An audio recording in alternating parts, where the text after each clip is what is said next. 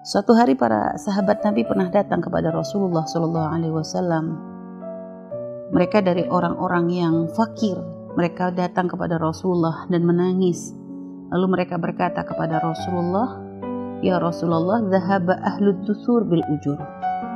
Ya Rasulullah, orang-orang yang kaya itu borong pahala. Yusalluna kama nusalli wa yasumuna kama nasum.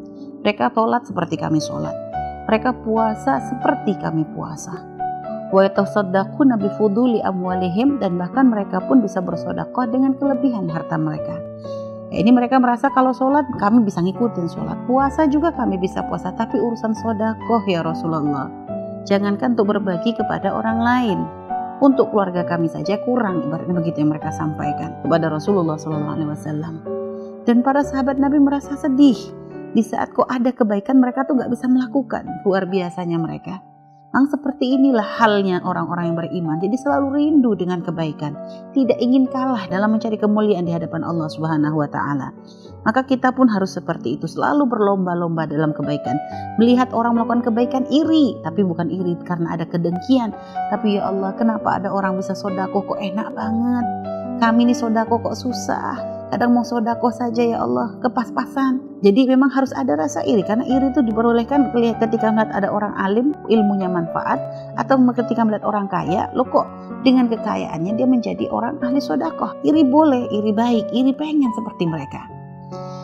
Nah akhirnya Nabi kita, Nabi yang subhanallah, Nabi kita bukan nabinya orang kaya saja, bahkan nabinya orang fakir. Nabi memberikan nasihat kepada mereka Awalaysa qad ja'alallahu lakum matasaddaqun?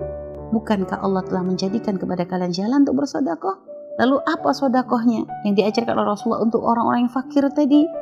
Ya kalau memang mereka tidak ada yang bisa memberikan apa pun misalnya maka bersodakoh untuk diri sendiri yaitu melakukan kebaikan untuk diri sendiri bahwa manfaat untuk diri sendiri itu termasuk ada makna sodakoh. Nabi bersabda waktu itu inna bikulli tasbihah sodakoh wa kulli takbirah sodakoh dalam setiap tasbih sodako, dalam setiap takbir ada sodako, dalam setiap tahmid ada sodako, dalam setiap tahlil ada makna sodako.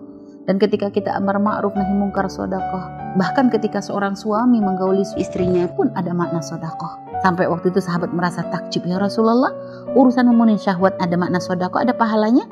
Kata Nabi di saat kau lampiaskan kepada yang haram apakah dosa?